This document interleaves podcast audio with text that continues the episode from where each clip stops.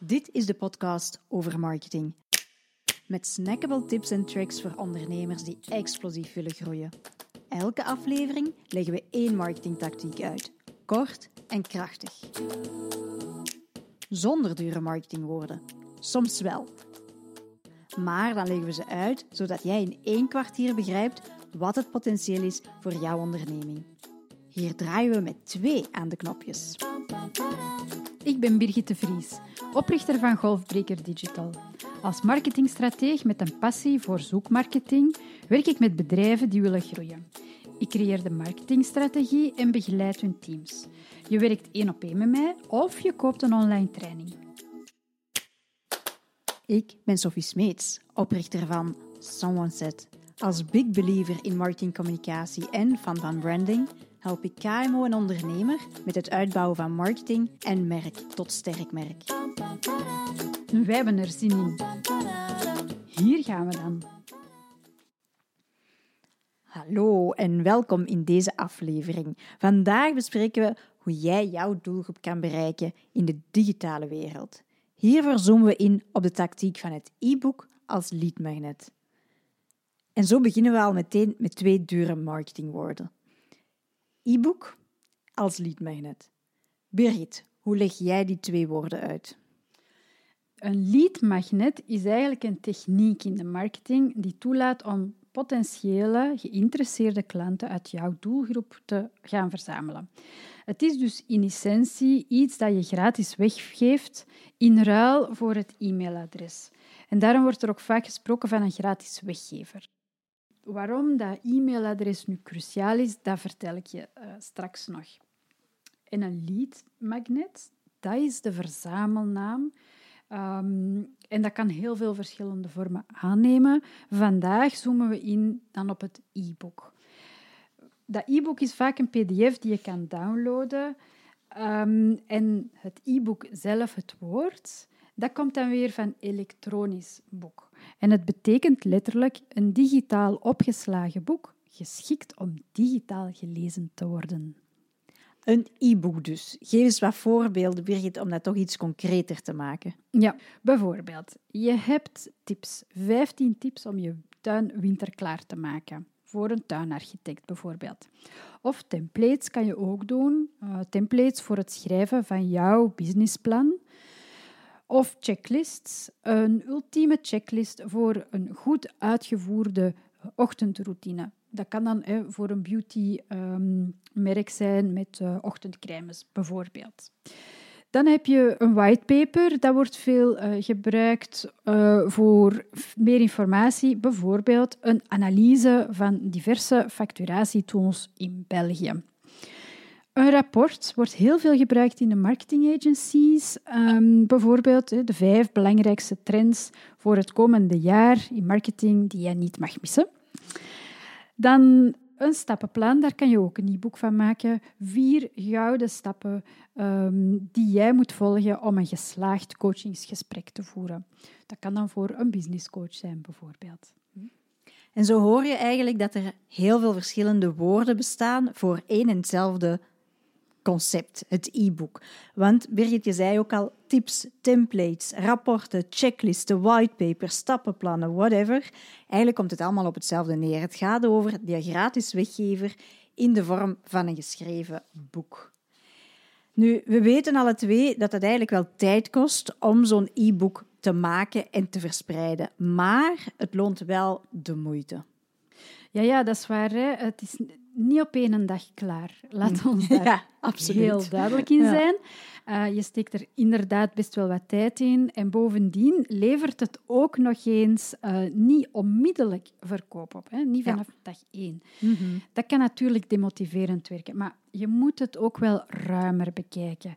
Want met een e-book zet je eigenlijk een systeem op. Wat bedoel ik daar nu mee? Ik ga een voorbeeld geven. Stel nu, je bent een verdelgingsbedrijf voor ongedierte. ik blijf dat een kei grappig voorbeeld vinden. dus je hebt een e-book met vijf tips om muizen uit je huis te krijgen. Dan spreekt het voor zich natuurlijk dat dat e-book alleen maar interessant zal zijn voor diegenen die effectief muizen in hun huis hebben zitten. Die doelgroep, die hebben ook nog eens een acuut probleem, Mhm. nietwaar? Ja, Goed. ehm, redelijk. eh, zij gaan dat eh, e-book downloaden met nuttige tips voor hen en in ruil geven zij hun e-mailadres op. Jij verzamelt dus e-mailadressen van een hele interessante doelgroep voor zo'n on, eh, ongedierte verdelgingsbedrijf. Nu, natuurlijk, die gaan dat lezen en er zullen een heel aantal mensen al geholpen zijn met jouw tips. Zeer goed, prima. Maar er is ook een groot deel daarvan dat toch nog professionele hulp wil inschakelen. En dat zijn net diegenen die jij wilt bereiken. Dus, dankzij jouw e-book met waardevolle informatie, komen ze nu naar jou toe in plaats van dat jij klanten moet gaan zoeken. En dat is eigenlijk de kracht van zo'n e-book. Jij kan dankzij dat e-mailadres met hen nadien in contact blijven ehm, en ze nadien ja, effectief eh, laten gebruik maken van jouw diensten. En nu wordt het interessant. Hè. Stop dus niet bij het downloaden, want het is dan dat je dat e-mailadres gaat krijgen en dus ook jouw e-mail-marketingtrein gaat kunnen laten vertrekken. Ehm, ik ga het misschien vergelijken met een fysieke winkel. Eh, als mensen daar binnenstappen, dat is virtueel dan eigenlijk jouw download, dan ga je ook niet die mensen zomaar aan hun lot laten, overlaten. Je gaat ze vragen stellen, je gaat ze doen kennismaken met de producten, met ehm, de unieke ehm, aspecten van jouw winkel enzovoort, om ze dan effectief eh, te gaan eh, laten kopen. En die e-mail-marketing-trein, zoals we dat noemen, dat is dus effectief heel dat proces. Dus stop niet bij het downloaden. Het is eigenlijk een systeem dat al lang bestaat, maar toch stellen we vast dat deze digitale manier van e-mailadressen verzamelen nog niet bekend is bij vele ondernemers. En toch past het bij iedereen.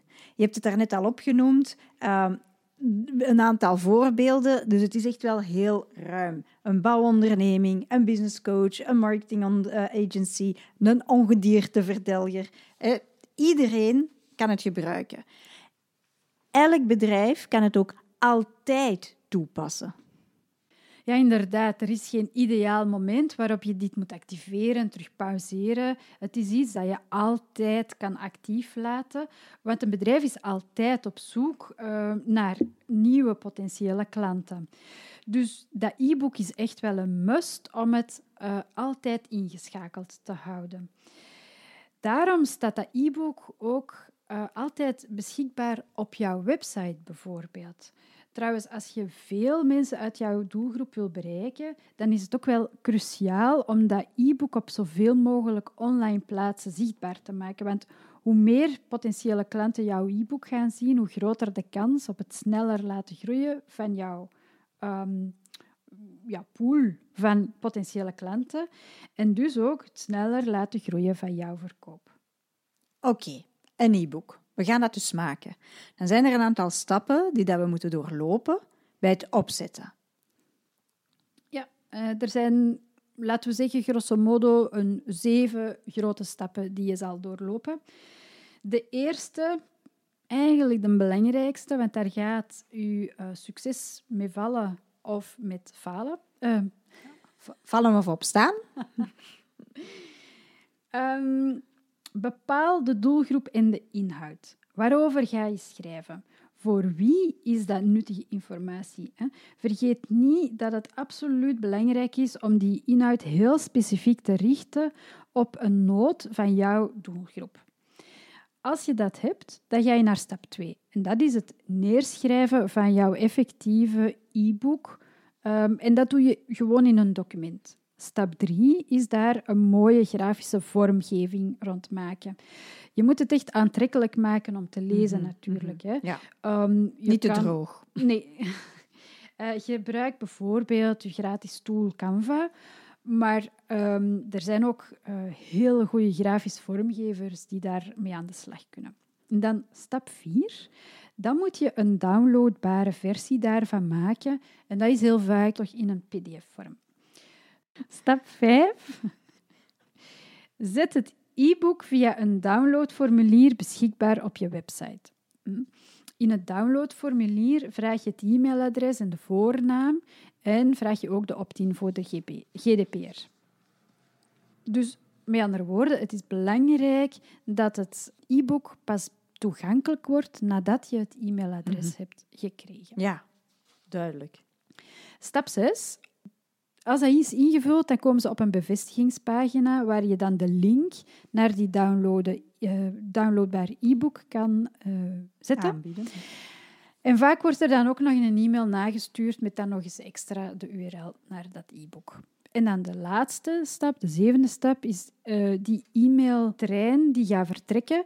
De eerste e-mail is vaak een uh, soort welkomstmail waarin dat je ook effectief jouw bedrijf gaat voorstellen, de producten, de services.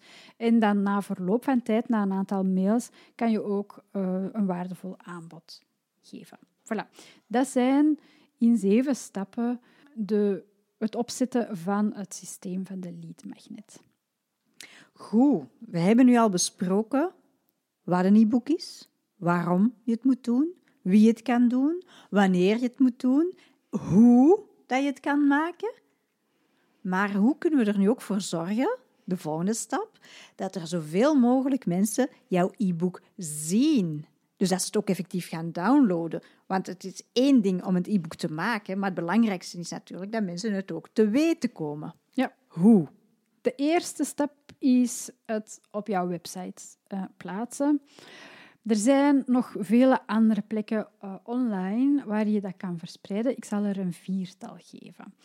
Een trage maar gestage manier is een blogartikel. Je maakt een blogartikel over dat onderwerp. Je maakt het uiteraard SEO-proof. En dan verwijs je in dat artikel naar jouw e-book. Uh, dat kan in, met een link zijn, een tekstlink. Um, maar dat kan ook een banner zijn die aan het einde van de tekst geplaatst is. Een tweede plek is uw social. Heb je al volgers? Maak er dan een post over, een story, een reel. Communiceer erover en vaak erover. Heb je een post gemaakt, pin die dan vast, zodat die altijd prominent zichtbaar wordt. Vermeld de URL ook in je bio, zodanig dat ze niet naar jouw homepage, maar wel naar jouw e-book gaan doorlinken. Wil je veel sneller werken, dan is er een derde stap die je kan toepassen. Uh, dat zijn eigenlijk de advertenties, vaak op social. Uh, en als enige doel het promoten van je e-book. Hm.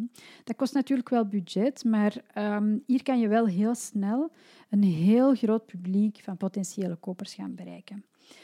En ten uh, vierde heb je, uh, of ben je actief in online netwerkgroepen?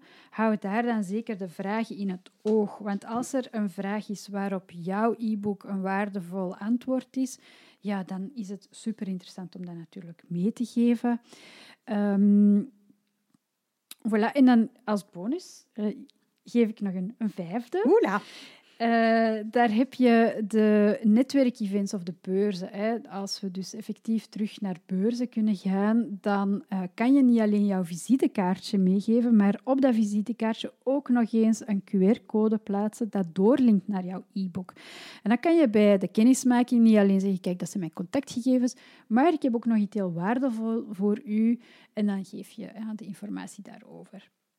Voilà, zo kunnen we nog wel doorgaan, maar je begrijpt het grote plaatje. Uh, wees creatief en zorg ervoor dat het eigenlijk op zoveel mogelijk plekken uh, zichtbaar is om die potentiële klanten te gaan bereiken.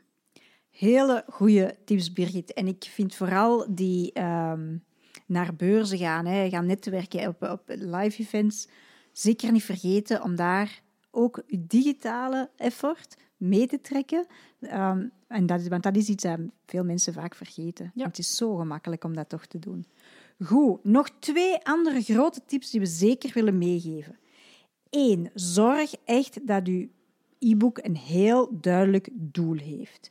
Je moet echt goed weten wat je met dat e-book wil bereiken, uh, wie vooral eigenlijk wie je met dat e-book wil bereiken, welke niche.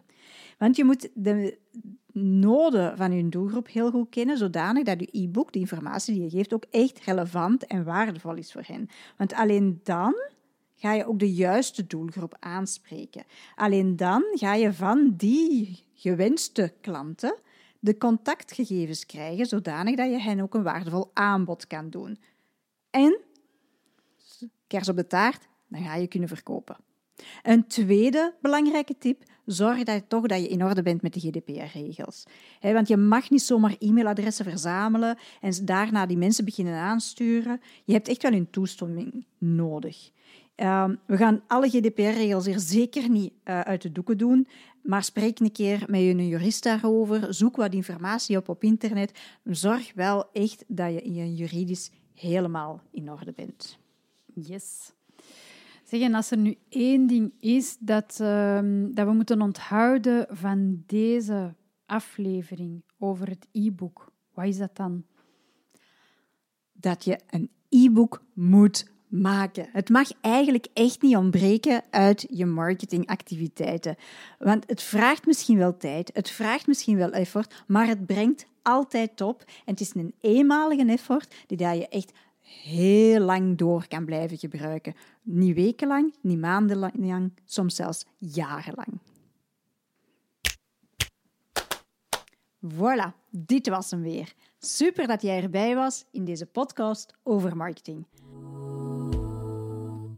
We vinden het heel fijn om jullie te leren kennen. Dus, als jij deze aflevering interessant vond, deel het op Instagram en tag ons. Birgit is Golfbreker Consulting en ik ben SomeoneSetBE. Heb je inspiratie gekregen om verder te groeien? Dan is onze missie geslaagd. Laat een review achter in de podcast-app en wil je de volgende aflevering niet missen? Abonneer je dan in de app. Tot de volgende.